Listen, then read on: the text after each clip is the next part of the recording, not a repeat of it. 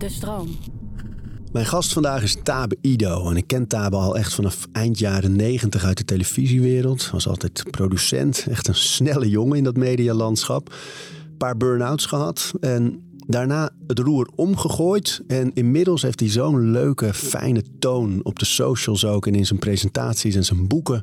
Eh, waar hij eigenlijk zijn hele eigen pad deelt met iedereen. En daar zit heel veel energie in. Er zit heel veel motivatie in. En eigenlijk helpt hij je om zoveel mogelijk uit dat prachtige leven te halen. Is een mens zonder houvast in zijn manier van leven? En ieder heeft een handvat en eigen rituelen. Orde in je hoofd zodat alles te overzien is. We praten over routines. Maar de tijd op aarde die wordt steeds korter. En de tijd dat je jezelf als uitslapen eh, beloont, wordt steeds groter. Dus we hebben minder tijd op aarde en ik wil nog meer uitslapen, zeg maar. Dan ben ik al, ben ik aan het voorsorteren richting de uitgang. Daar heb ik al geen zin meer of zo. Dus eigenlijk klopt er iets niet, zeg maar, in dat gegeven. We praten over routines. Maar kijk ook wat het verschil is. Je dit bakje zo, dit hele, dit hele ritueel. Of gewoon met die koffiemachine zeg maar, op kantoor bij zo'n pantry. Zo, dat, dat, Tja. Dit is wel echt... eh, ik vind ook wel mooi dat je het helemaal hebt meegenomen. Vanaf huis ge- ge- dat het gemalen heeft. En dat is gewoon toch, Ja, Steven, toch gewoon gaaf. voor elke opname heeft hij altijd eh, de French press. En dan, eh, dan krijg ik dit dingetje zo op tafel. En dan eh, inderdaad met de gast. En dan moeten we drie minuten wachten. En dan druk je op een gegeven moment zo de, de press. Dus naar beneden. Ja. En dan blijft een hele mooie, je ruikt hem ook nu al eh, heel goed. Maar jij wilde niet. Ik ga misschien toch een beetje nemen zo. Ja, slokje, slokje even proeven. Steven Brew. dat is wel mooi. Ja, dit is ook... Weet je, dit, dit, dit ding, ik versta dit ook onder self-love, toch? Ja, dit is toch gewoon... Of Ja. eh, brother love, of hoe je het wil noemen. Ja. Zeg maar bromancing. Dat je voor elkaar die, dat ultieme kopje koffie maakt. Ja, dat is echt zo. En dat heel bewust ook ervan genieten. Lekker. Kijk eens. Kijk eens aan. Leuk Cheers. dat je er bent. Geweldig. Cheers. Doet me ook denken aan... ehm, hoe heet die dan? Het is een, eh, een Esquire-journalist. Die heeft een boek geschreven, eh, Thanks a Thousand. En dat ging over koffie, maar het ging over dankbaarheid vooral. Oh ja. En hij had bedacht, want hij kreeg elke ochtend zijn koffie in een koffietentje in New York. En dan keek hij die vrouw aan en hadden ze een praatje. En, eh, maar, maar ineens dacht hij, zij is niet de enige die mij dit moment gunt of schenkt. Hier zijn veel meer mensen. En toen is hij uit gaan zoeken hoeveel mensen er betrokken zijn bij het totstandkoming van die koffie elke Oh ja. ochtend. En dan is hij op bijna duizend mensen gekomen. Dus in, het he- in de hele keten. in de hele keten, van de koffieboeren in Zuid-Amerika tot de mensen in de waterzuivering boven upstate New York. Eh, degene die de bekertjes ontwierp, degene die dat plastic eh, eh, dopje met, die, met dat drinkgaatje heeft ontworpen en bedacht. Ongelooflijk eigenlijk, als je over nadenkt. Ja, al die mensen in die, in die zaak. En, Ja. maar je kan je bijna niet voorstellen, maar daarom thanks a thousand. Want Ja, hij maakt dan portretten van al die, al die mensen. Dus elk hoofdstukje is een portret. En ondertussen krijg je het hele proces van die totstandkoming van dat kopje koffie... Ja, waar hij zo van geniet elke ochtend. Ja, ja. Nee, maar het is heel mooi om te beseffen. Je neemt natuurlijk heel makkelijk dingen voor lief. En als je er even induikt, wat het eigenlijk, wat heel veel dingen, eigenlijk bijna alles wat er is, hoeveel waarde dat heeft, zeg maar. Ja. Ik vind zelf ook die documentaires, of eigenlijk ook wel van je, How It's Made en Discovery of zo, dat soort Ja. programma's eigenlijk de leukste. Omdat je ziet ineens hoe een muizenval wordt gemaakt. Dan denk je, jeetje, wat komt eigenlijk veel bij kijken of zo. Je, zoiets simpels. Maar het is een Maar andere manier van kijken naar de wereld die ook wel aansluit bij nou ja, waar jij nu heel veel mee bezig bent en ik ook. Van je bewustzijn van wat er allemaal om ons heen is. Ja. En dat het er niet zomaar is. Dat Ja. er ook weer iets achter zit. Ja, Het is ook een andere manier van kijken naar mensen, denk ik. Dat je weet, iedereen heeft een verhaal. ja, Er zit iets en er is iets. En mensen gedragen zich, want daarachter zit van alles. ja. Dat is mooi. Ja, ja en, je, en je kleurt het natuurlijk zelf wel heel makkelijk in. Hè? Dus ehm, we versimpelen zelf natuurlijk ook heel vaak dingen. Ik ook automatisch al, want anders sommige dingen kan je gewoon niet aan. Je kan niet de hele dag dat, de, de omvang van het kosmos, bij, de kosmos bijdragen. Dat is gewoon te ingewikkeld. Je kan niet de hele dag al je atomen tellen, zeg maar. Dat is too much. Ja. Dus we maken dingen soms zo simpel. En we, we, we beoordelen over andere mensen soms heel simpel. Maar we nemen dus ook heel veel dingen voor lief. En dat is, en dat is de zonde. Zodra je veel drukker wordt, ga je natuurlijk sneller schakelen. Ja. En dan ga ik, ik, ik had dat zelf ook, ga ik heel vaak voorbij aan de dingen die eigenlijk zo echt en waardevol zijn. Maar waarom eigenlijk? Waarom zijn ze zo echt en waardevol? Weet je, waarom zou je? Waarom zou je er stil bij staan dat zo'n koffie, dat daar een proces achter zit? Nou ja, kijk, je, bent anders heel veel aan het luchtledigen. Ben je eigenlijk aan het luchtfietsen. Want heel veel gebeurt natuurlijk in je gedachten. Dus, dus de, de, de truc is, en als je weet, beseft eigenlijk dat dat de standaardstand is, dat we continu maar denken over gisteren, vandaag en morgen en andere mensen en andere tijden. Ehm, in onze standaardstand, ja, dan, dan ben je dus eigenlijk continu weg. Dan ben je wel letterlijk fysiek, zit ik nu wel bij jou hier aan tafel, maar mijn hoofd zit eigenlijk bij de boodschap in Albert Heijn. Of ik, zit bij, ik sta letterlijk in Albert Heijn, maar met mijn hoofd ben ik bij het, kind, bij het schoolplein de kinderen aan het ophalen. Dus je- dat is eigenlijk wat we standaard aan het doen zijn. Continu maar aan het malen en drag- dagdromen. Dus je gaat dan voorbij aan de echte dingen, zeg maar. En dan leef je dus niet echt in het hier en nu. En ehm, dus, ja, dus het, het, het- alles heeft bepaalde waarden. En je ziet ze soms niet meer. En we denken dat iets anders wat er nog niet is of het nieuws waarde heeft. Dat denken we heel groot aan. En dan zijn we er. Dat heb ik vaak genoeg meegemaakt. Ik denk, ik ga iets groots doen. En dan jaren bezig. Een bedrijf bouwen. Of eh, een vakantie. En dan eh, iets nieuws kopen. Neem even een nieuwe Apple, eh, een Apple iPhone of zo. Je denkt, je ziet die nieuwe presentaties van Apple toch? En je gaat weer, je ligt nog net niet in de rij te slapen s'avonds voor de Apple Store voordat het nieuwe ding uitkomt. En dan heb je en dan denk je, ja, hmm.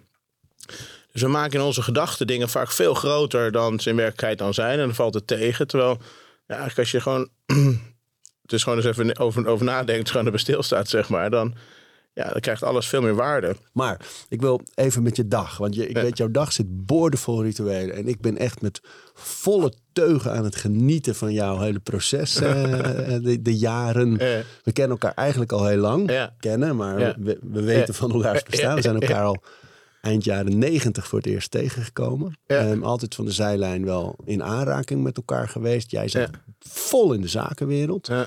In de, in, in de Media, start-ups, de media, de, de- gewoon echt go, go, go. Ja.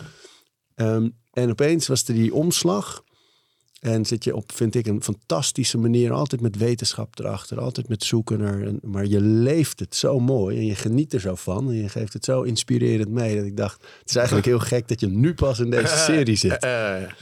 Maar wel eh, heel leuk. En ik, ik vind, ja, ik, ik, ik denk dat enthousiasme moeten we vandaag zien over te brengen in jouw dag. Dus het leek Ja. me mooi om gewoon, wat we hier vaak doen, beginnen we en dan waaien we Ja. er wat uit natuurlijk. Ja.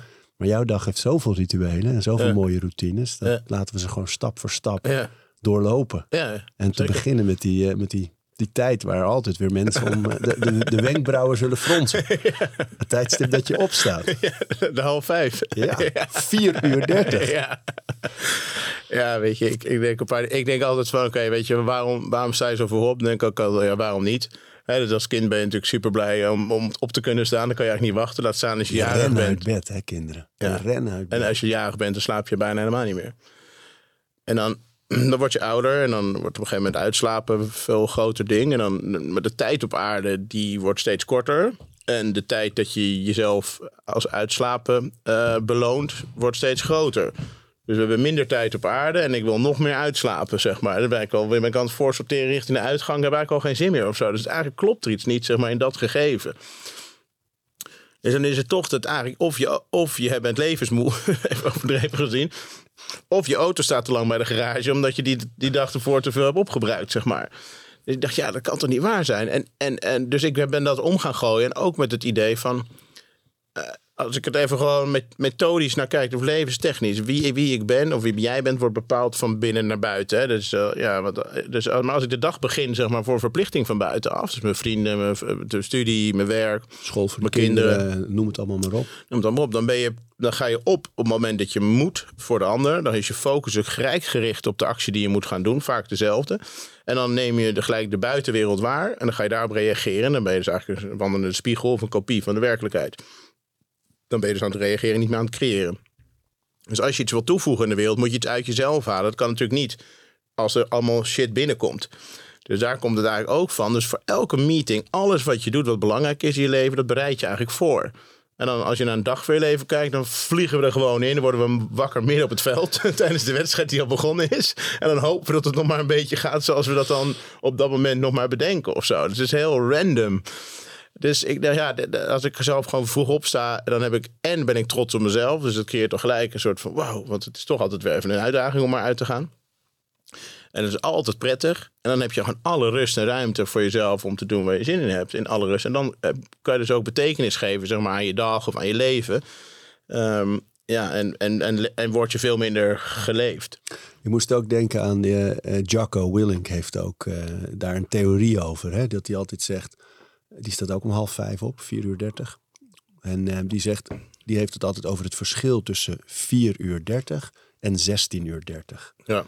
En daarmee geeft hij precies aan wat jij nu zegt. Die 4 uur 30 is van mij. Ik sta Ja. voor mij op, eh, voor niemand anders. Eh, ik ben met de dingen bezig die voor mij belangrijk zijn. Daarna begint die dag pas. Maar om 16 uur 30 trekt de hele wereld aan me. Ja. Zijn er mailtjes, zijn er appjes, zijn er taken, zijn er verant- verantwoordelijkheden, verwachtingen. Ja. Ehm, en, en dat enorme verschil in tijd is, is voor hem bijvoorbeeld ook al een reden om dat eh, te doen. Ja, ja, ja. Maar, maar iedereen die hoort dat je dat doet, eh, jij krijgt die vraag duizenden keren, ehm, die, die vraagt zich af, is het geen roofbouw als je zo vroeg opstaat? Nou, nee, dus, dus mensen maken altijd. eh, Dat is ook weer, gaat er ook weer met het proces van heel snel bevooroordeeld denken. Hè, dus, dus van, oh, het is half vijf, dus die slaapt bijna niet. Maar ik, de volgende vraag moet eigenlijk zijn van... ik- Kijk, ik, ik ga niet om half vijf op met de wekker. Ik ben eigenlijk om half opgestaan... omdat ik ooit op een gegeven besloten heb om heel vroeg naar bed te gaan. Omdat mijn avond me niet meer bracht wat ik wilde. En mijn avond eigenlijk mijn volgende dag verklooide. Dus ik ging s'avonds, ik dacht altijd, oh, eindelijk me-time. En dan was ik 's ochtends weer ik al wakker. dacht ik, oh man, is het nu al ochtend? En dan begon ik de dag. En dan ja, gewoon op character.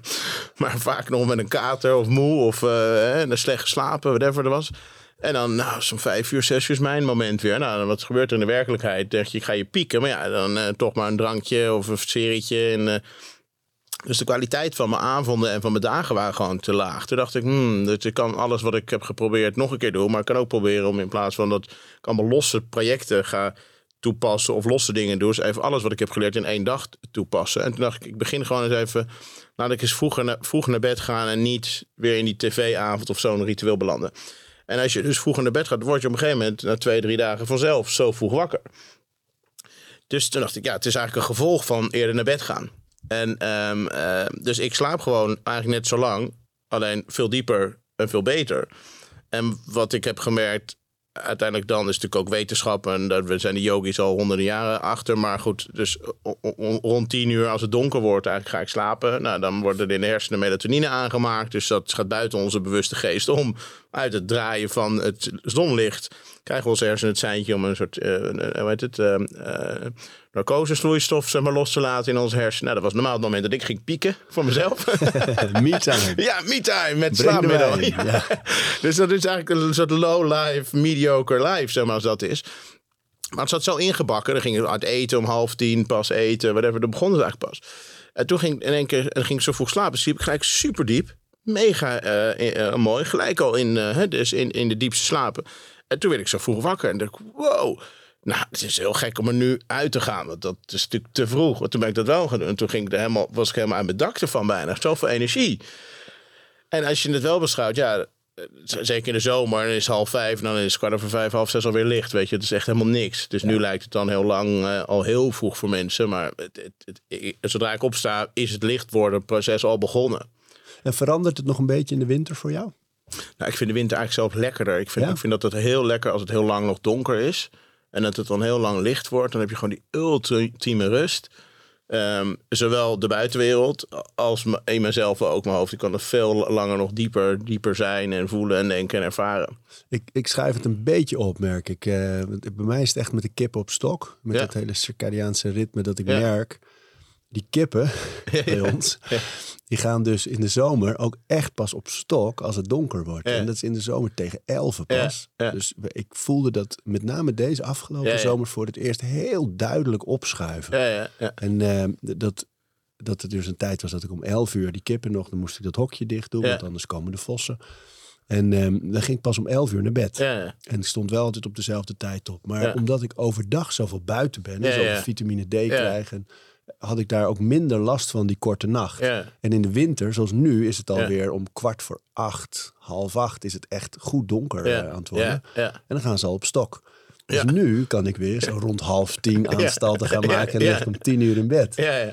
En, eh, de- maar ik ga, dat gaat echt een beetje met die kippen mee. En dat hebben wij thuis ook geaccepteerd. En we hebben ook gewoon ons erbij neergelegd, dat we het, of ge- gerealiseerd eigenlijk, dat we het zo fijn vinden. Dat inderdaad, als je zo rond tien in bed ligt, Ja. Dan maakt het ook niet uit als de kinderen een keer s'nachts komen. Of Nee. een keer om eh, Nee. echt vroeg aan het bed staan. Want ja, je, je, je komt gewoon eerder in, die goede, uh, Ja. in het goede slaapritme. Ja, nou, ze zeggen zo, hè, er is natuurlijk ook zo'n eh, uitspraak van, dan ik veel, van, eh, ja, de oma zei altijd van de, de, de uren voor twaalf, die tellen dubbel, toch? Zo. Ja. Maar goed, eh, kijk, de, de- wat, wat er is, is dus, dat is ook heel goed om eigenlijk, je kan die kippen eigenlijk ook volgen, want die volgen gewoon dat circadiaanse ritme. Die hebben ook geen, het is geen bewuste beslissing. Het is gewoon, Nee. oh, we krijgen dat middel binnen en Ja. ze hebben geen suiker in hun systeem, ze hebben geen drukke Netflix-series gekeken, dus die zijn feitelijk, als dat, als dat spul binnenkomt, is dat genoeg om ze in slaap Ja. te brengen. Oh, go. Dus we gaan go, oké, checken. En dan, s ochtends gaan we weer serotonine in de, in de pijnappelklier en dan gaan we weer, worden we weer wakker. Maar ehm, eh, op het moment dat dus, kijk, ik vergelijk het eigenlijk al met een Boeing A380. Wij zien onszelf natuurlijk als ook gemiddeld... type eh, Boeing dan. Voor mij is een Boeing ja, gewoon nee, maar dat is het allergrootste reuze ding. Dat is Oh, dat, die, die dubbeldekker, dat allergrootste vliegtuig ever. Ik ken de 747. Ah, nou, die, die nieuwe is dan op. de dubbeldekker. Zo. Maar goed, dat, dat, het gaat even om dat proces. Dat is een gigantisch vliegtuig. Maar dat is niet aan vliegen. Dat is ook niet uit iedereen naar buiten. Zo werkt het niet. Dus dat gaat, zeg maar, zijn allerlei motoren die moeten worden opgestart. Allerlei systemen, die moeten allemaal na elkaar worden opgestart. Die gasten zijn ook met die knopjes altijd.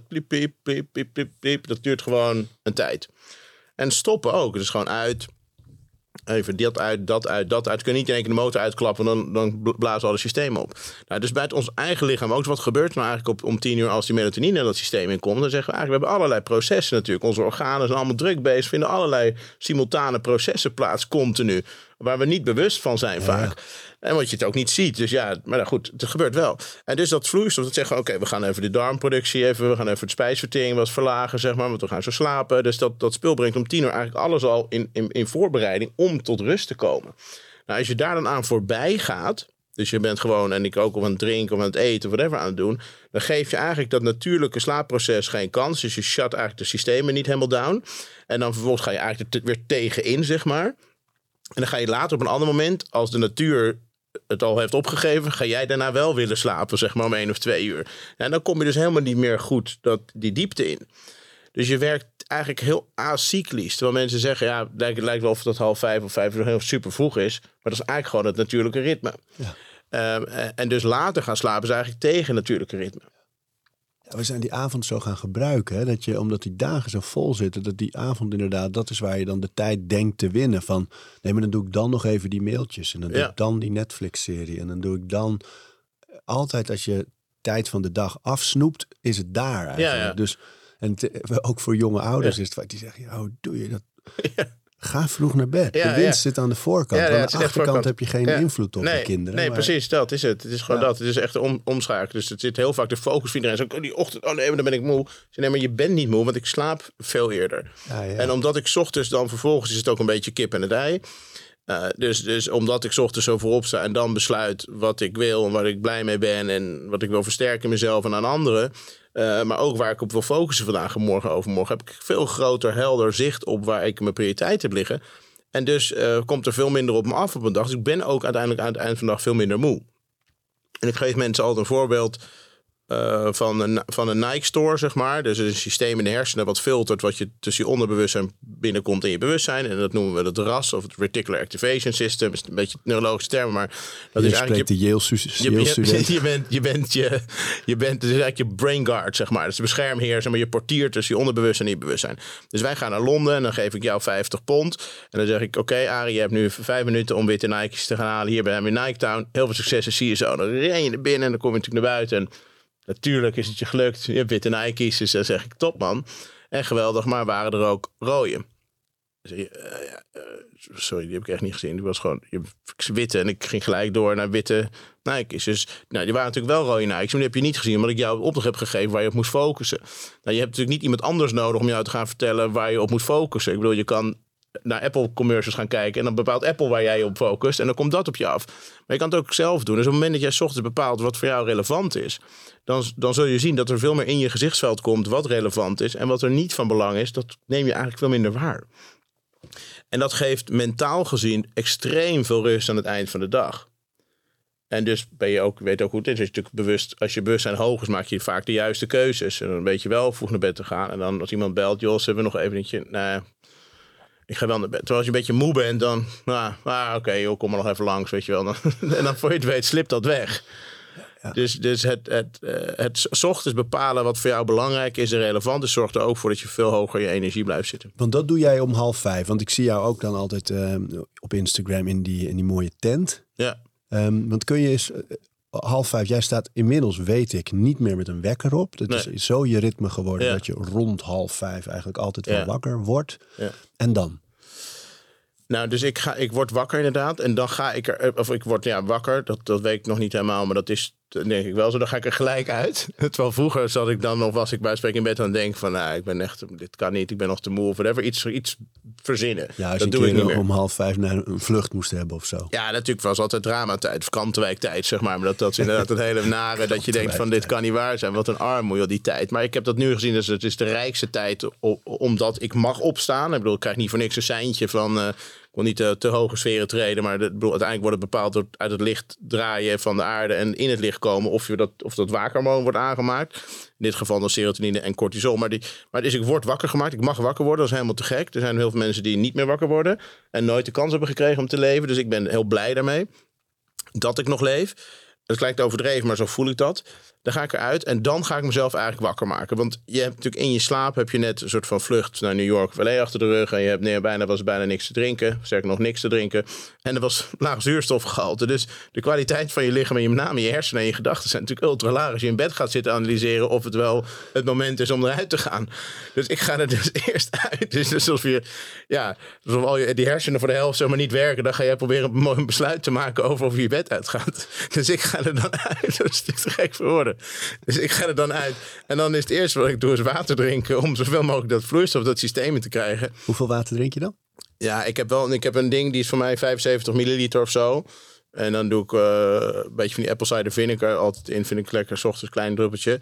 En ja, dat, ik, ik weet niet, het verschilt dan een beetje, maar rond de halve liter. Dat ding neem ik gewoon heel rustig voor. En dan, dan doe ik, als ik naar beneden ben, dan doe ik eerst even het licht aan. Dat nog meer licht in het systeem, word je nog iets meer wakker. Drink ik water. En dan is de volgende stap, en doe ik een beetje water in mijn gezicht vaak. Daar daar heb je dan net geen zin in, doe ik dus juist. dan is het wel weer heel lekker. Ehm, en dan heb ik eigenlijk zo'n paar stapjes overwonnen. Dus dat licht aan doen is natuurlijk makkelijk. En het water drinken ook. Maar dat water in mijn gezicht en eruit gaan zijn eigenlijk al twee dingen waarvan je denkt, wauw. Oh, top. Toch lekker. Ja, trots. Gelijk trots. En ja, in je leven wil je toch trots voelen. En je kan het bij bij andere mensen halen. Maar je kan het jezelf ook heel makkelijk maken door je gewoon trots te zijn op jezelf. En ja, het is helemaal zo gebouwd dat je er trots op wordt. Elke keer weer. Dus het is Want je overwint iets, hè? ja, het is gewoon een gratis eh, compliment van jezelf. En dat, die hoef je niet eens te geven, dat voel je gewoon. En dan ga ik wat even aan mijn zuurstof werken. Het is precies ook trouwens de reden dat ik het nooit zo goed begrijp. Nou, natuurlijk begrijp ik wel waarom mensen snoezen, maar dat ze snoezen. Van het allereerste voornemen van de dag op te Ja. staan, Ja, dat schuif je aan de kant. ja, Dus zo'n eh, mak, of Ja. eh, krakkemikkig begin dan Ja. eigenlijk, dat, waar je bewust voor kiest. ja, ja. Dus als je, als je moe bent en brak en je, bent, en je slaapt slecht door iets, dus dan is het natuurlijk ook, dan, dan wil je nog niet opstaan. En soms ben je gewoon, kijk, je bent of fysiek te overloaded. Je kan ook wel super zwaar trainen. En dan heb je echt al meer tijd nodig in de nacht om te herstellen. En je kan natuurlijk ook nog overdag heel druk hebben gehad met presentaties. Zonder dat je ver- je niet eens verveelt op je Instagram te zitten of op je social. Maar je kan ook nog heel druk zijn geweest met presentaties en gesprekken. En ja, dan heb je hersenen gewoon nog de dag, als je dat tot later op de avond is en je gaat dan slapen, ja, dan nemen die hersenen zijn nog allemaal aan het verwerken wat je tot je hebt genomen. Dus dat doe je niet eens met slechte intenties of verveeld leven of zo, maar dan heb je gewoon langer nodig. En dan kan het soms ineens eh, dat je denkt, zo, nou, dan mag ik nog heel even, als ik nog vijf minuten heb. Maar uiteindelijk, als je dat, dat een beetje onder controle hebt en je gaat er gewoon uit, licht aan, water drinken, ja, en dan doe ik gelijk twee ademhalingssets, zeg maar, om te zorgen, met name dat ik dat zowel mijn, eerst mijn mind wakker krijg en dan mijn lichaam, zeg maar, eh, voedt met zuurstof. ja, Ehm, want dat zijn mooie. Daar, laten we daar even, even de tijd voor nemen. Want jij doet echt die, een soort stoten met je armen ja, vanuit de lucht. Je, je trekt hem echt... ja. Ja, dus er zijn eh, eigenlijk twee dingen natuurlijk. Als ik het even analyseer, eh, hebben we het lichaam, de geest en de ziel. Nou, de ziel die kan je niet eh, aangrijpen. Daarom is in de wetenschap blijft het nog een beetje onduidelijk. Hè? Want ja, maar ik weet wel, als Stapen er niet meer is, dan kun je mijn lichaam zien. En dan liggen, zijn mijn hersenen er nog. Mijn lichaam is er dus, mijn, ge- mijn, mijn mind is er nog. Maar, maar ik ben weg. Dus voor mij is dat de ziel. Maar dan kan ik, die kan ik niet per se nu aanraken. Of zo. Wat ik wel kan doen, is zorgen dat mijn mentale lichaam maximaal is. eh, en mijn, mijn fysieke lichaam maximaal. En wat ik normaal eigenlijk deed, was de dag beginnen. En dan word je wakker en doe je dingen. En dan zit je eigenlijk op de nullijn.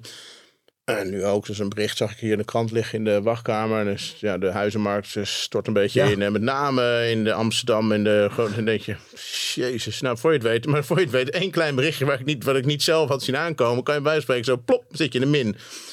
Dus wat ik probeer te doen is in plaats van... Dus kijk, voor elke wedstrijd of alles wat je doet... breng je jezelf eigenlijk in een peak performance. En in een dag van ons leven gaan we eigenlijk gewoon zo wandelen een beetje zo in. En dan komt er wat op je af en dan zit je gelijk hier. Dus ik wil mezelf, met wat ik kan doen en wat ik meeneem... zowel mijn mentale platform eigenlijk als mijn fysieke lichaam... even gewoon die lift geven, zeg maar, in die plus één. En niet dat het me overkomt door de buitenwereld... maar dat ik mezelf even zo lift. Nou, dus dat doe ik eigenlijk met verhoogd, verhoogde zuurstof. En doordat je bewuste ademhaling doet en hoog en snel... eh, verplaats je bloed van de ene kant van je hersennetwerk naar de andere kant. Eigenlijk van het dagdromen en het dwalen en over andere mensen nadenken. En de buitenwereld waarnemen naar de binnenwereld. Dus ochtends vroeg. Dus gewoon met hoge intensiteit die, die ademhaling doen. Hoog en snel met mijn armen om zo snel mogelijk dat zuurstof in de, in de distributie te krijgen, zeg maar. Is de beweging, trek je de lucht naar binnen of stoot je de lucht eruit? Nee, het is gewoon echt pakken van energie. Dus je doet. En dan, dus het is echt in, in en uit. En dan sterk. Dus heel de kracht zit hier. Maar het is eigenlijk wat je doet, is niks anders dan met hardlopen ook. Als je hebt hardgelopen ook, dan denk je... En zeker als je met iemand hardloopt, dan ben je aan het babbelen... en gezellig en, en leuk. En dan na vijf of tien minuten, dan op een gegeven moment dan kan je niet meer praten. En dan, ben je gewoon in het, zit je in het hier en nu. Nou, dat systeem is natuurlijk gewoon zo gemaakt. Feitelijk, als je normaal gesproken hard rent volgens de natuur, dan is dat omdat je vaak vlucht of dat je op, op jacht bent naar iets.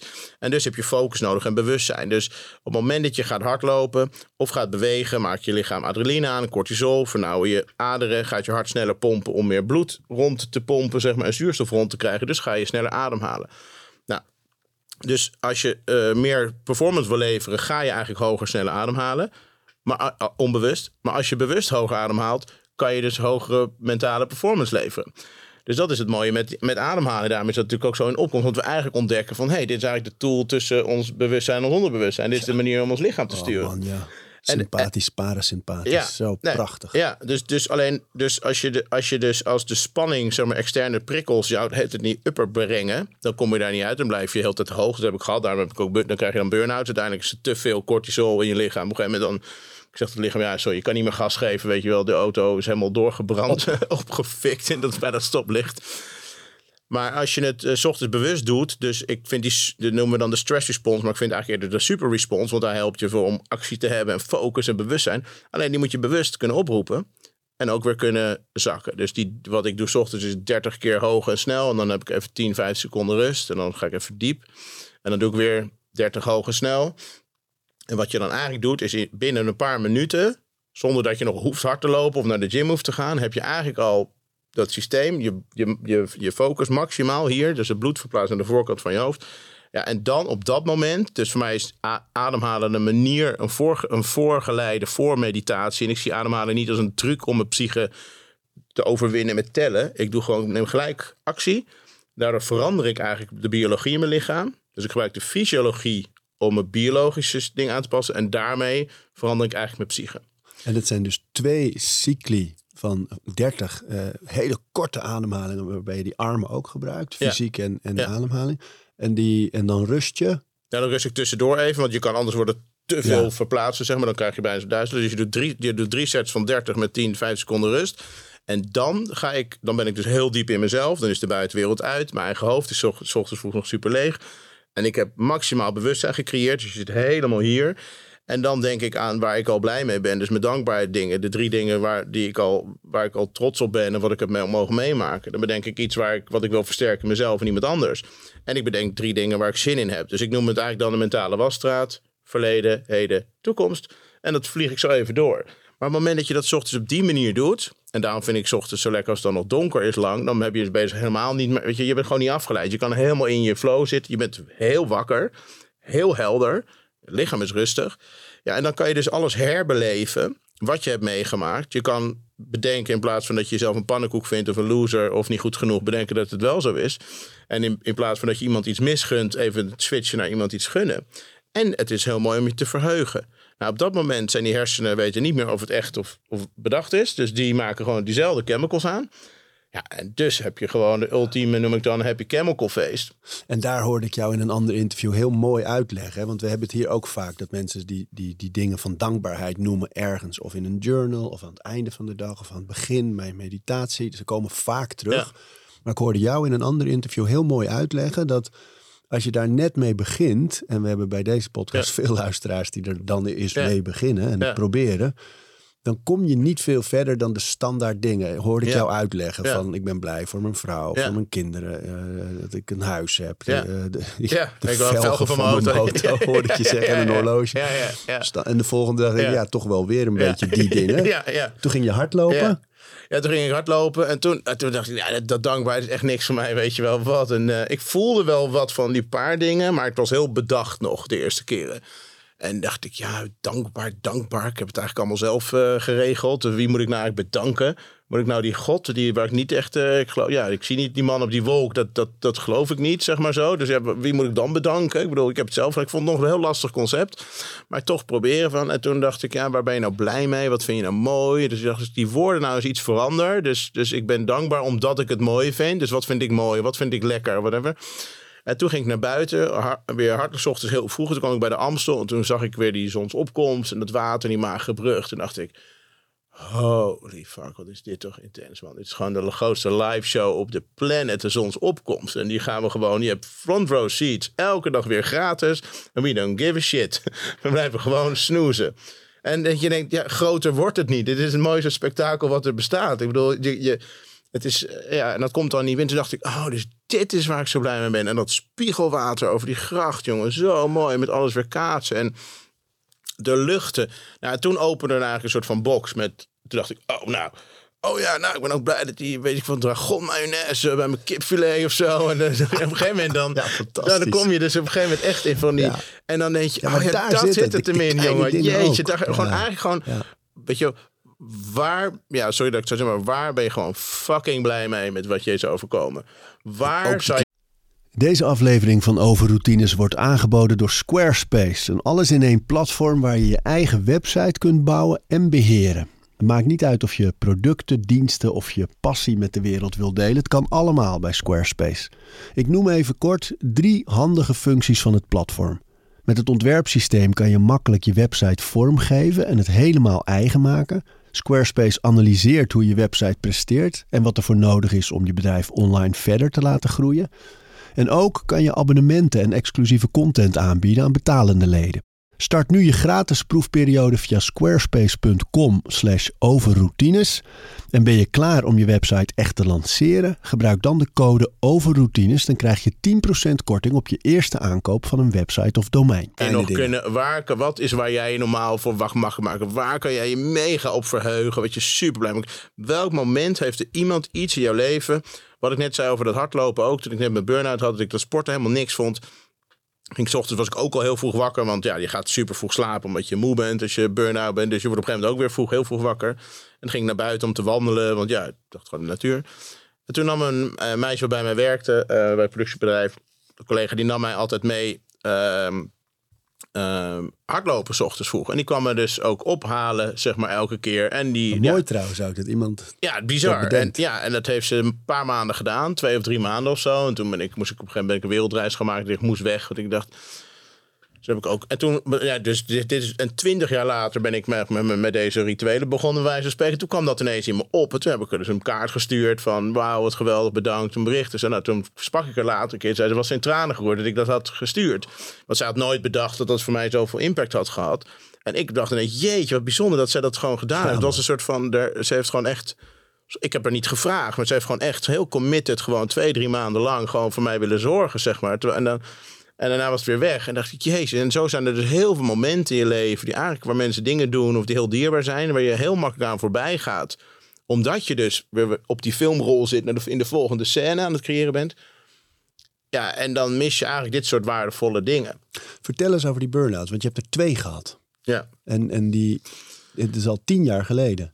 Twintig jaar. Nou, de eerste is ja, dus eh, ik had er, ik, de, ik, de eerste was toen ik de produ- productiebedrijven ging, groeide mega hard en we maakten grote tv-shows. En, maar ik was eigenlijk aan alles aan het, eh, weet je wel, het was gewoon continu roofbouw op het lichaam op alle fronten, zeg maar.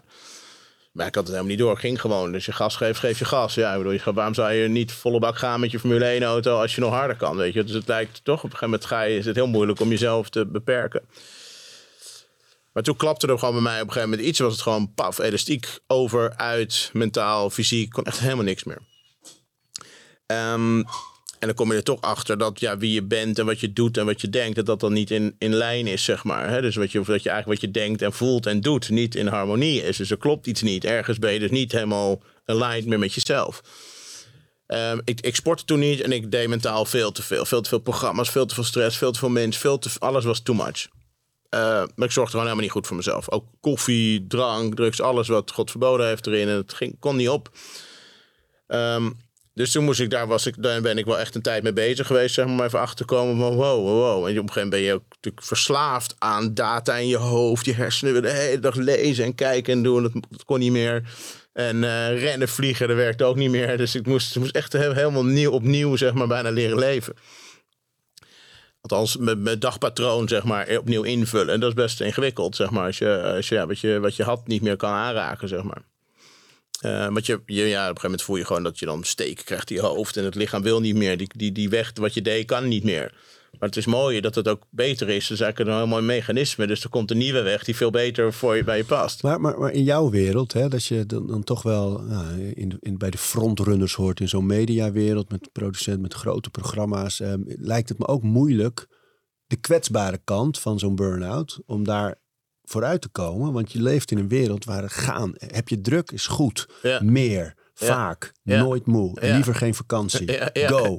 En dan te zeggen, jongens, ik kan even niet meer. Was dat moeilijk? Nou, wel zeker moeilijk. En zeker met je ook personeel bij mensen. Je hele bedrijf hebt. Dus het is dubbelzijdig moeilijk. Dus je, enerzijds is het dan zeg maar, misschien nog het imago. En anderzijds is het ook nog de verantwoordelijkheid die je hebt naar mensen. En dat je voelt, ja, ik kan er niet nu thuis blijven. Het zit wel een heel bedrijf. Dat, gewoon, dat is hoe dan, weet je. Dus het is dubbel. Uh, maar ja, je hebt in het begin. Ik moet zeggen, als je helemaal die burn-out hebt, ben je er eigenlijk helemaal niet mee bezig, want je kan niks meer. Dus ik zou in het begin heb ik misschien wel eens even gedacht in het begin. Dus voordat het dan echt. Misschien dat het heel kort is, even in de week of zo, dat het je overkomt en dat de analyse burn-out is. En dat je denkt, oh nee, toch gaat het niet een burn-out zijn, want dan heb ik straks. Dan gaan mensen, staat er toch op mijn voorhoofd geschreven, loser. Of, uh, en dan, maar, dat, maar op het moment dat je er echt in zit en niet meer kan, dan ja, dan, dan is dat ook weg. Dan wil je ook, kan je ook niet onder mensen zijn of zo. Je isoleert sowieso omdat je even eruit moet. Um, in, in elk geval, nogmaals, ik, ik beschrijf het ook altijd van, of zeg ook tegen mensen, weet je, die in burn-out zitten. Het lijkt, als je naar beneden kijkt, dan en je kijkt, je wilt kijken waar je, dus je wilt vasthouden waar je bent, zeg maar, waar je zat, dan blijft het zwart, zeg maar, om je heen. Maar als je even opkijkt, zeg maar, in werkelijkheid zit je niet in een donker gat, maar je bent in een tunnel weg naar het licht. En dus dat moet je voor, voor, voor je houden, zeg maar. Uh, alleen je kan niet meer terug, dat, die deur is daar is dicht, zeg maar. Dus je moet dat niet willen. Je moet eigenlijk weer vooruit naar een nieuwe weg. Dus je moet zo snel mogelijk beginnen met weer nieuwe dingen te bedenken, zeg maar, die je wil. En dus eigenlijk ook niet denken aan schaamte en dingen achter je laten, want dat geeft uiteindelijk ook allemaal weer stress. Ja, dus eigenlijk moet je denken van, wauw, het is een... Ja, ik met Kai had ik het ook over gehoord. Weet je, het is eigenlijk thank God I've got a burn-out, weet je wel. Kan Want het is gewoon ja, ja, in de podcast. Ja. ja. Dus die zei ook, weet je, dus als je tegen die spanning aan, dit is ook als je druk bent en druk bent, je voelt spanning en je hebt het last een beetje van hoge. Um, daar noem je iets met Kai, eh, want jullie zijn allebei dan van de alcohol af. En ik vond dat zo'n mooi stukje eigenlijk, dat het ineens tussen twee stoere mannen, weet je wel, die allebei gevierd zijn in wat ze doen. Um, het was een heel mooi stukje over gewoon de nuchtere kijk op, op nuchter zijn. Ja, ja, en op alcohol en hoe gek het soms is. Maar dat heb jij toch ook, denk ik, of niet? Nou ja, ik drink af en toe nog wel een glas wijn hoor. Maar um, ik vond dat, dat vond ik heel mooi. Omdat het, weet je, het, het heeft zo lang gehoord bij een wereld dat het heel normaal is om te drinken. En dat je nu gewoon twee mensen waar veel mensen tegenop kijken, daarover hoort praten. Alsof het bijna gek is dat je drinkt. Zo klonk het echt. Vond ik een heel leuk stuk. Ja, ja dat was, je hebt zo'n mooie quote of van zo'n gast, ik weet even niet meer, maar van eigenlijk wel, alcohol is de enige drugs waarbij mensen denken dat je, als je het niet doet, dat je een probleem hebt. Ja. En dus ik merk ook wel van heel veel mensen, oh, dat drink je niet. Dus in het begin is het een gedoe man. Elke keer weer, dan heb je het er weer over. En je, jezus man, het is, het is jouw probleem volgens mij. Want ik heb er geen probleem mee. Maar hebben we het nou weer over? Wat is het? Wat is, uh, wat, uh, weet je, sterk nog, ik, ik, ik drink nu niet. Maar ik weet niet wat ik over een uur doe. Maar, eh, en, en dan over een uur drink ik nog niet. Maar snap je, dan, dan beslist het gewoon elk moment. Is, ja, ja, dat is het wel. Gewoon, het is gewoon nu niet. Maar, maar ook dat weer heeft ook weer te maken met waar we het überhaupt over hebben. Bewust leven, gewoon genieten van die kleine dingen. Op een gegeven moment, als je jong bent, kan je hem veel makkelijker herstellen. Heb je een trail en een hele kleine bil. En als je ouder wordt, is de trail vrij klein en is de rekening, de bil, naar de hand veel groter. En op een gegeven moment is het dan niet meer waard, zeg maar. Dus ik kan dat wel blijven negeren. Een trail en een bil. Oh, ja. ja. Dus als je dat, dus, dus, ja, maar zo kijk ik er dan wel naar. Van ja, weet je, dan, je gaat sowieso als je heel veel drinkt super brak zijn. En voel je je lekker als je brak bent? Nee. Dus ik bedoel, mentaal niet, lichamelijk niet. Ik ga minder goed trainen. Ik sta minder open voor dingen. Ik ga toch slechter eten. Word ik er blijer van aan het eind van de dag? Nee. Dus ja, waar, waar is dat dan? Waarom doe ik het dan daar? Voel ik me op dat moment dan beter als ik het doe? Ook niet. En wat ik heb ontdekt, en dat gaat een beetje met, het tweede boek over aan het schrijven, is over sociaal, ja, over sociaal uit, geluk. Ja. Maar dat uh, gaat wel connected heten over het versterken, verrijken van de verbinding met jezelf en andere mensen in de wereld. Maar dus sociaal gezien, zeg maar, zijn natuurlijk, speelt er heel veel. We zijn continu met elkaar verbonden en mensen doen van alles. En we heeft invloed op mij en ik heb invloed op andere mensen. En als ik dus op een verjaardag was, op een feestje, heb ik toch altijd een beetje stress of sociale angst. En ik was altijd degene die snel even, oh gezellig de keuken in onder het noemer van uh, Burgondische gastronomie. Lekker even kijken wat hier de keuken is. Maar het was ook een soort veiligheid om een beetje te verstoppen van de groep. Ja, en, en dan ging je toch een paar, drankjes erin, zeg maar, om even die, die anxiety, zeg maar, die spanning te verlagen. En dan, als die alcohol er lekker in zat, ja, dan kon ik me, zeg maar, uh, oh, die ongezellig.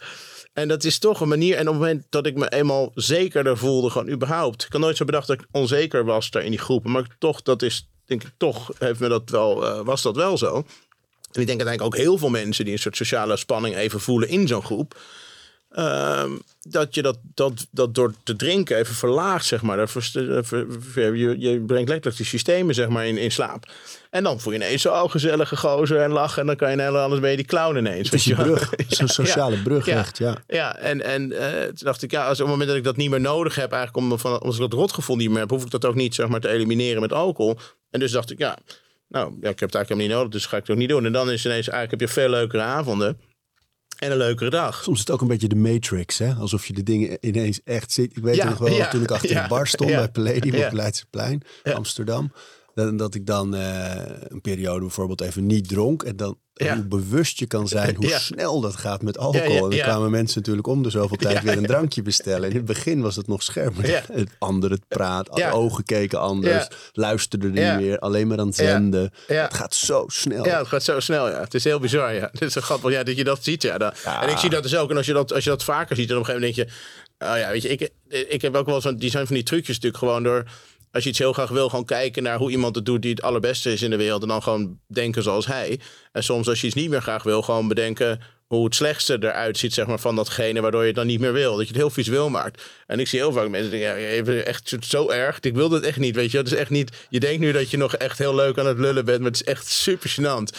En het is heel grappig als je nuchter bent, dat je dat zo goed waarneemt. Ja, maar het helpt wel om niet te drinken. Het helpt heel goed om niet te drinken. Ja, dan denk je, ja, dit wil ik niet. Oh, dan ben je zelf ook zo. Maar, oh ja, weet ik, maar het mooie wat ik er eigenlijk nou over wil zeggen. Dus als je nou bekijkt even wat maatschappelijk dan de druk is. Want dat is natuurlijk, daar komt het heel vaak bij kijken. Want er zijn echt heel veel mensen die af en toe die niet drinken. En, en sommige mensen die nooit drinken. Mensen die stoppen met drinken. En iedereen is uiteindelijk altijd voelt hij zich blijer dat hij het niet gedaan heeft. En niemand heeft ooit spijt.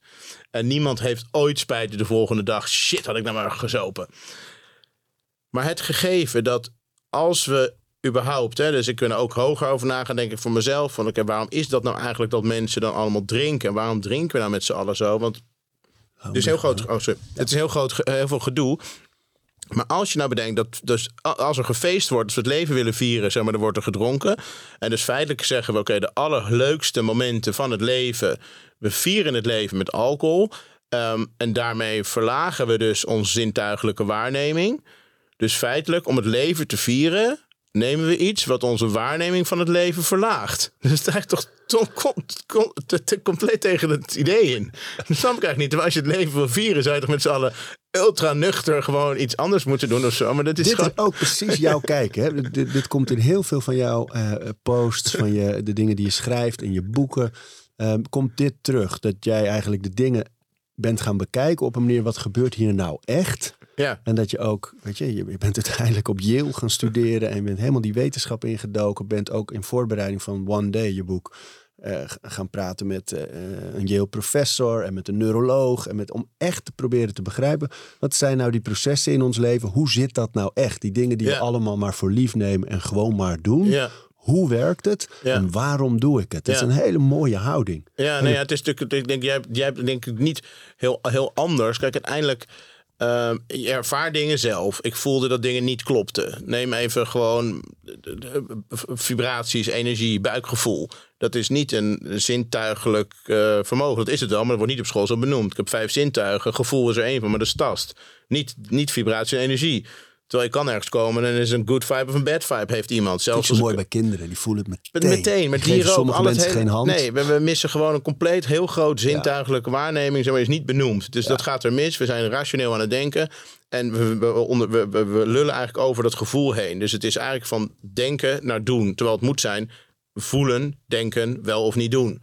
Ehm, maar dus, dus er, klopt, er klopte bij mij gewoon heel veel dingen niet. Het klopt niet. Hoe kan dat nou? En toen dacht ik, dan ben ik gaan uitzoeken wat ik nou ervaar. Nou, dan, dan ga je kijken wat, wat. En toen kwam ik, nou, er zijn heel veel yogis eh, in de culture, in India's cultuur van wow, en oude wijsheden en dingen. Die doen allemaal dingen. Dan vind ik, hé, hey, dat herken ik ook helemaal. Dan, en dan maar, dat is wel een hele scene, zeg maar. Dus ik denk, oké, ik ben niet, ik wil niet per se in die scene om te kunnen doen wat ze doen, maar ik ben het ermee eens.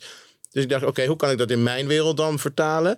Maar ik wil ook kijken of het echt wetenschappelijk ergens deels zo is, onderbouwd. Zodat ik het, de feitelijkheden ook kan staven. Want ook voor mezelf. Dus niet alleen voor anderen omdat je dan schrijft dat je het op meerdere keren op meerdere fronten wil hebben bewezen. Maar ook gewoon voor jezelf om te kunnen begrijpen. Oké, dus Oh, dus dat stemmetje in mijn hoofd, zeg maar, dat is dan de ego. En de, de, de yogis noemen het de monkey mind. En in de neurologie is het dan eh, is het, eh, eh, de, de default mode network. Dat is gewoon een systeem in de hersenen waar we standaard op wakker worden. Dat is juist om te overleven, continu die omgeving scannen.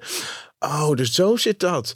Oh, dus... Maar hoe jij nu al die werelden beschrijft, hè, dat je dus aan de ene kant die, die yogis die echt ver in die Ayurvedische scene, en de, Ja. weet je, daar zitten, en aan de andere kant de wetenschap, die raken elkaar gelukkig steeds meer. Ja. Toch ben jij een soort middenpersoon nog. En kan me voorstellen dat ook bij jouw oude vrienden ook Ja. wel eens gedacht wordt: wow, Tab is ineens eh, Tony Robbins geworden. Nee, of, deze, deze, hey, dus die monnik of hey, ben je Ja. de guru geworden of iets of zo. Nee, natuurlijk, ja, dat zal wel, ja. en hoe, hoe ga je daarmee om? Nou, ik weet niet. Ik vind het, ja, ik, ik probeer niet. Ik, ik deel wat ik vind, maar ik vind niet. En ik probeer soms ook de waanzin van mijn eigen levensstijl of whatever daarin te benoemen, zeg maar. Dus ook gewoon eh, een beetje met een korreltje zout te nemen, zeg maar. En het grap het is ook mijn leven. We proberen ook maar. Ja, dan, een korreltje Himalaya zout, mooi gezegd. Brok Himalaya zout. Ehm, ja, weet je, weet je wat het ook is? Ik, ik, ik, ik, het paste iemand, ik was een ding aan het lezen over eh, een recensie ergens op uh, Storytel van mijn boek. En er was één iemand, ja, geweldig. Jouw stemtaal is zo'n mooie stem en warm en dit en dat. En een ander in, wat een blaadaap die gozer. Zeg, hey. Hetzelfde eh, eh, soundbite, hetzelfde dingetje, twee verschillende meningen. Het enige wat ik kan doen is zeggen, delen wat ik vind of opschrijven of me uiten zoals ik vind dat ik moet uiten. Het enige wat een echte topchef kan doen is koken wat hij moet doen. En een, wat een muzie- echte muzikant kan doen is muziek maken die hij of zij wil maken. En dan kunnen mensen het wel of niet leuk vinden, zeg maar. Dus ik kan, ik, ik, ik, er zijn wat mensen die denken, nou die taben nodigen we niet meer uit met, eh, met zijn vrouw, met Jesse, want eh, die, die drinkt niet meer. Ja, dat is dan, oké, nou prima als dat het is. Vindt zij het wel eens jammer dan, je vrouw? Ja, ik vind het wel zo ongezelliger, natuurlijk. Maar ehm, die weet ook dat ik een wel leuker persoon ben. Dus ehm, ehm, ik heb wel drie keer per jaar dat ik hem wel gewoon even helemaal doorpak, zeg maar, op Koningsdag en eh, Gay Pride en eh, iets voor oud en nieuw. Dus dan, eh, maar, dan, maar dan weet ik ook gewoon, dit is echt, deze, deze next day, die pak ik gewoon als, als een soort van verlies. Ehm, ja, nee, ja. Dus nee, maar ik bedoel, mensen, ik merk, ik merk wel, dat is heel grappig, dat, dat zal je ook hebben, dat je, je doet wat je doet en wat je leuk vindt en je deelt wat je deelt omdat je het leuk vindt en dat is puur met wie je bent. Je bent niet een evangelist, zeg maar. Ja, dat was je vanuit, de, vanuit, eh, vanuit vroeger natuurlijk wel, maar ik bedoel meer, dat ben je niet, je bent niet andere mensen te overtuigen. Je deelt ook gewoon jouw passie in je leven, zeg maar. Dat is gewoon prettig, hou je dicht bij jezelf. En je zou ook merken dat heel veel mensen toch interesse hebben van... hé, hey, wauw, weet je, dus diezelfde vragen en die zoektocht die jij hebt of die ik heb... ik merk dat er heel veel mensen... ehm, ja, toch op afkomen zeggen, ook in mijn vriendengroep. En heel veel mensen waar ik eigenlijk niet had verwacht. Van, ik heb je boek gelezen of ja, ik vind het geweldig wat je zegt. Die motivatie zocht, ja, en dat niet drinken of dat blij zijn. Of die, oh, die ademhaling. En, dan, en dus ja, het, het, eh, het is veel meer positief dan, dan dat het negatief is. Ja, En, en, je hebt eh, er ook geen invloed op wat mensen ermee doen. Hè? Wat ze ermee doen is hun eigen leven en is hun eigen bagage over het algemeen. Maar daar heb je nul invloed op. Dus koers houden. Ja, dan Ja. zullen er die criticasters of azijnpissers of Ja, ja, maar- haters, die zullen er zijn. En ook die loftuiters en die en enthousiastelingen. Ja, en je hebt ze sowieso altijd allemaal. Ja, ja. Dus dat is toch, weet je, het is ook niet van, Nee. oh, daar heb je ze. Nee, ze zijn altijd mensen. Ik vind ook, eh, ik kijk ook, iemand kan met de beste wel een gerecht maken, kan ik nog steeds vies vinden, zonder dat ik ineens een eikel ben. Maar het is gewoon mijn smaak niet. Dus ik moet ook accepteren, dus ook gewoon, dus ja, Ja. oké, prima, weet je wel, best. Ik bedoel, jij, Maar waarom doe jij de dingen? Wat is, je, wat is je, je drive om te delen wat je zelf meemaakt? Nou, ik weet niet. Het is toch ook, denk ik, dat ik weet ik voel ergens wel. Ik, denk ergens dieper dat ik heb heel dicht bij me staan dat, dat, me, dat ik st- sterfelijk ben. En, ehm, en ehm, eh, dus ik we weten allemaal wel dat we niet onsterfelijk zijn, maar we vergeten wel eens dat we sterfelijk zijn. Zeg maar dat willen we graag wegpoetsen. En ik heb dat niet. Ik heb dat gevoel dat het, dat het, het wordt steeds stel, sterker. Ik ben steeds korter hier. En, man, dat boek van Oliver Burkeman, hè? die 4000 Weeks. Ja. 4000 weken hebben we op aarde. Ja, het is bizar. Ja, dus, het is, dus, die, dus ik voel dat de hele tijd heel dichtbij. En dus ik wil eigenlijk gewoon ik wil een beetje, een beetje le- mensen zeggen, ah, mensen zeggen wel tegen mij, hey, maar Tamer, jeetje, je bent zo'n snelle jongen, een Zuid en een eh, Amsterdamse eh, entrepreneur, dit en dat. En dan ben je toch zo'n spiritueel eh, persoon. Ja, ik, sorry, ik ben gewoon een spiritueel wezen. En ik heb gewoon, eh, ja, ik ben gewoon de tabe. En ik, toevallig heb ik aangekleed, zeg maar. Maar feitelijk, wat ik wil. En waarom doe je dan wat je wil? Ik wil gewoon alle dimensies van het leven ervaren.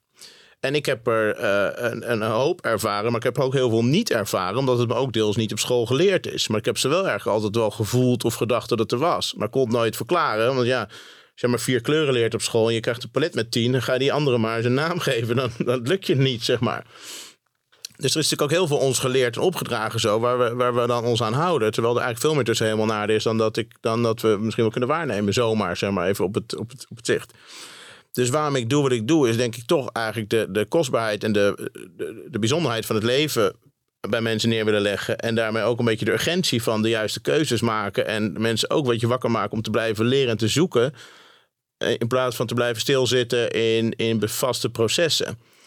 Want ik, ik weet gewoon zeker dat ik voel gewoon zelf ook zo diep dat als je niet blijft ontdekken en leren en willen groeien, dat je straks aan het eind op het sterfbed ligt en dan zit je daar met die bankaccount met het geld en dan denk je shit, hij komt uiteindelijk komt die openbaring van oh dus je je gaat op een gegeven moment toch dat moment ervaren dat er meer is tussen helemaal na. Dus dan kan je maar beter eerder mee beginnen dan op het allerlaatste moment, de laatste vijf minuten van je leven op je sterfbed. Dat je denkt, shit, nee. Oh, nee, shit. Had ik nou maar eerder. Oh ja. Je bent high energy. Komt niet door de koffie, want die heb je alleen maar geproefd, zie ik. Maar ehm, als jij aan het einde van de dag op dat hele belangrijke tijdstip in het circadiaanse ritme eh, eindelijk gaat slapen. Eh, dat moment is heel belangrijk, want anders lukt het nooit om vroeg op te staan. Doe jij daar nog dingen voor om goed te slapen? Ja, dus... ehm, ja, heb je nog een uur? Nee. We zijn aan het afronden. Nee, ja, je hebt de, de, warming-up inderdaad en de cool-down. Dus de cool-down zie ik even zo s'avonds. Dus kijk, nummer één, wat slapen is als je weer afpelt. De definitie is eigenlijk gewoon de allerlaagste hersenactiviteit die je hebt voordat je dood bent. Dus nul is dood en dan heb je mee levend. Dus Arie en ik zijn levend en we slapen. Dan meten we delta, de laagste stand, standje 1. Zeg. Dus uh, als je slaapt, heb je standje 1. En als we jou uh, zouden zien, maar we, zien je niet, maar we zien alleen jouw hersengolven. En dat is laagste stand. Dan weten we, oh, Arie slaapt of Tabe slaapt. Op het moment dat je dus uh, wil gaan slapen en je bent een drukke dag achter zit je eigenlijk in standje 5, de allerhoogste hersenactiviteit, duizenden gedachten en dingen. En dus wat je wil is eigenlijk zorgen dat slaap overkomt je niet. Dus eigenlijk zorgen dat je afbouwt, zeg maar, langzaamaan. Dus dat je het gaspedaal eraf haalt, zeg maar, langzaam parachute openklapt. En dan langzaam afvloeit, zeg maar, richting de laagste stand. En dan kan je eigenlijk heel organisch in slaap vallen. Dus wat ik doe, is ik tap wel uit uh, uit dingen top nemen. Dus ik kan wel iets heel specifieks gericht zoeken of zo wat ik wil. Maar ik ga niet meer zo swipe dingen doen. Omdat ik daarmee eigenlijk... Ja, je wil eigenlijk je hartslag verlagen en dan ga je ook geen Red Bull drinken. Dus als je wil slapen, moet je ook niet veel meer stof in je hersenen gooien. Dus als we het lichamelijk zouden zien wat je doet voor slapen als je nog heel veel consumeert, is uh, mentaal, is hetzelfde als dat je nog een bak lasagne naar binnen gooit in je maag. dan gaat je lichaam aan de slag s'nachts. Dan slaap je ruk. Dat is mentaal eigenlijk hetzelfde. En het vergeten we wel eens. Dus we kunnen dan gaan liggen en dan eten we misschien niks meer. Maar ondertussen wel dit of dit. Swipe of kijken. Ja, nou ja, goed. Dus en daarmee ge- en dat doe je volgens het licht aan, maar daar geef je eigenlijk die hersenen nog een bak huiswerk mee. Want die denken: oké, dit heb ik net allemaal gezien, deze wensfixeers. Die ga ik even ontleden en pellen en eh, iedereen een plekje geven. En jij probeert te slapen. Dat lukt dan niet. Ja, alles Ja. komt langs. Allemaal verbanden worden gezocht met mensen die je kent en whatever. Er allemaal ideeën. Dus je maakt je eigenlijk creëer je een soort vuurwerkspektakel in je hoofd vlak voordat je dat de show is afgelopen. Moet afgelopen moet zijn. Dus dat werkt niet echt. Nou, dus dat, dat doe ik niet. Dus eh, dat is één. En het andere zijn gewoon twee trucjes die ja, die met name als je heel druk bent, die werken eigenlijk altijd, maar is ehm één is dus maak mijn to-do-lijst, wat ik al altijd had, is nog even van dat je in bed ligt van shit, oh nee, moet dat, moet dat, moet dat, moet dat nou om te voorkomen, is gewoon even zitten, dat nog doen, dat nog doen, dat nog doen als dat er is. En het andere is op het moment dat je in bed gaat liggen, dan is je bewuste geest tot rust. En dan gaan normaal gesproken komen er allerlei dingen op die in je onderbewustzijn plaatsvinden. En dat is nog, dat kan nog, nog voor dromen gebeuren, maar dat kan je dus wel wakker houden. Dus wat ik doe om te zorgen dat ik eigenlijk zo min mogelijk dingen oprakel pas in mijn slaap, is het daarvoor al op papier zetten. En het trucje wat je daarvoor doet, is gewoon een A4'tje pakken en gewoon alles oppennen wat er in een split second in je gevoel, in gedachten opkomt. Dus niet eens analyseren. Dat is een gek woord. Gewoon, het is gewoon random. Het zijn papiertjes die te gênant zijn om te delen met andere mensen. Want het, is gewoon, het zijn allemaal brainwaves en dingen die gewoon zo... En dan dump je gewoon dat allemaal papier. En dan komt het straks niet meer terug uit je hoofd. Je neemt eigenlijk al een voorproefje op de, wat er anders stra- straks had ge- gebeur, was gebeurd, zeg maar, uit je onderbewustzijn. Dus dan heb je eigenlijk een heel leeg hoofd, ready om diep te kunnen gaan slapen. En, ehm, ja, en dan heb ik eigenlijk nog één ander trucje, en dat vinden mensen altijd heel bizar, maar ik denk misschien pas jij het ook vaak toe, is krome kuiten. En eh, dat Ja, is... de foam roller. Ja. Ja. en ik doe het voor s ochtends, dan wachten we maar s'avonds ook. Dus die kuiten zijn super gespannen door die stress. En, en ja, die activeren ook die bijnieren weer waar cortisol wordt aangemaakt. Dus op het moment dat je dus, dus de kuitspier ontspant, verlaag je ook weer de aanmaak van cortisol zeg maar, in het systeem. En ik dacht, ja, dit kan raar dat dit zo werkt. Maar het werkt dus gewoon echt. En zodra ik die kuiten rol, Fantastisch, die Slaap ga ik meenemen. Daar heb ik nooit beter. aan gedacht. Ik heb Ja. een, eh, een posture series, heb ik van Giro gekregen. Met eh, vooral voor schouders, nek en, eh, en rug. En daar voeg ik zelf dan een paar hamstring stretches en, en heup stretches aan toe. ja, ja, ja. ja maar die kuiten, ja. die doe ik niet. En dat is inderdaad zo, ja. En ik heb wel die foam roller. Ja. Dus, hey. Ja, en het is, bij mij is het helemaal. Ik heb best wel dikke kuiten. En die, die, dat staat dan soms gewoon echt stijf. En dus ook, ook doorbloedingswise. Dus ik merk ook gewoon mijn hoofdpijn, mijn hoofd of zo lichter. Dus ik dacht, van, ja, het lichaam is natuurlijk gewoon een circulair systeem. Dus dat bloed dat gaat in die kuit en moet er doorheen via de voet. Die kuiten zijn super vernauwd dan. Er zitten allemaal pezen en aderen. Als het gestrest is, houdt het helemaal zo vast. Dat onla- unlockt niet zomaar. Dus dat moet je best... En dus dat blijft eigenlijk ook een beetje dit cortisol. Die spanning blijft zo maar heen en weer pingpong en zo. En die foam roller is eigenlijk als een eh, drukpuntmassage. Ja, bijna, dus je rolt erin Ja. en ik doe dat dan echt wel nee, vijf tot tien minuten per kuit. Dus, ja, de mensen denken, "Wow," maar ik maak het ook heel leuk. Ik hang er gewoon in. Want je kan het ook niet snel doen, want dan ga je dus helemaal in door die pijn zitten rammen. Dat Ja, is ook niet je Je moet, vasthouden. Hè? Ja. je moet even vasthouden, dan rol je het weer soep. En op een gegeven moment dan rol je het. En dan kom je op een gegeven moment zit je in een soort flow. denk je, ah heerlijk. Ja. En dan ben je dus, denk je, holy shit, wat zit het hier? Wat zat het hier? Krampachtig. ja, terwijl als je het niet doet, ga je dus elke avond daarmee naar bed. Ja, ja. En, en het is een mooie unwind, eh, Ja. een unwind ritueel. Hè? Want veel van die nieuwe slaapwetenschap is, zeggen ze, de dag is belangrijk. Dus dat je inderdaad vroeg al zonlicht in de ogen hebt. En eigenlijk vroeg al zegt, we zetten de knop nu aan. En die moet aan het einde van de dag moet die, Ja. moet die weer uit. Ja, moet het glas eigenlijk leeg ja, zijn. Maar ook inderdaad dat je een, een unwind ritueel, dat heeft Matthew Walker, eh, ja. die slaapexpert, altijd over. eh, van zorg dat je een ritueel hebt in de avond, dat je eigenlijk de dag echt bewust afrondt. En dit is perfect daarvoor. Ja, ja, dat is, dus, dit zijn hele mooie eh, trucjes. En dan heb je nog wat slaapcocktail dingetjes. Dat is die van Tim Ferriss eigenlijk. Is die, die, die- ik weet niet of die ondertussen wetenschappelijk nog, voor mij nog steeds niet bewezen. Maar die werkt wel als een bom. Slaat dat in. Dan gaan die luiken gewoon zo. Ehm, dat is ehm, een beetje heet water, en, eh, rauwe honing, een beetje apple cider vinegar. En dan is het gewoon zo Oh ja joh. insane. Ja, ze, hebben alleen, ze weten niet precies wat, het, wat de combinatie is. Geen, geen kokend water over die honing doen. Dus het is lauw water, die honing even oplossen. En dan een een scheutje apple cider vinegar. En dan eh, gewoon zoep. En eh, ja, dus dat zijn, dat zijn trucjes. Maar nogmaals, ja, het, ik, heb zo, ik heb ook wel dat deze dingetjes nodig, steeds minder. Eh, nodig. Maar in het begin, zeker als je niet... Toen ik vroeger gebruikte ik eigenlijk alcohol altijd als gewoon mijn slaapmiddel.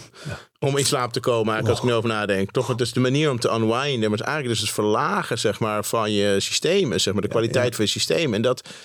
Ja, dat zit er zo, dat, dat, dat gaat, zit zo tegen me in. Terwijl het is zo lekker als je manieren weet te vinden waardoor je zelf elke keer weer kan opruimen en schoonmaken. En dat het dus nuchter gezien wel werkt. Dus dat... Ja, en, en dat het gaat over het optimaliseren van die slaap. Of meer diepe slaap, meer remslaap. Ja. En mensen denken, je hoort aan mensen als je het hebt over slaaprituelen Ja, ja, ja. en dit soort routines. Dan, eh, ik heb het zelf ook wel eens als ik het post, dat mensen dan zeggen, oh, nou, ik heb nergens last van. Eh. Lijkt me verschrikkelijk als je zo eh, dat allemaal nodig hebt, want ik ga liggen en ik slaap. Ja, ja, ja. Maar het gaat over de kwaliteit, mensen. Het gaat niet over, ik ik slaap ook meteen. Soms heb ik, op meet ik op mijn aura en dan zie ik latency, dus hoe, hoe snel ik slaap.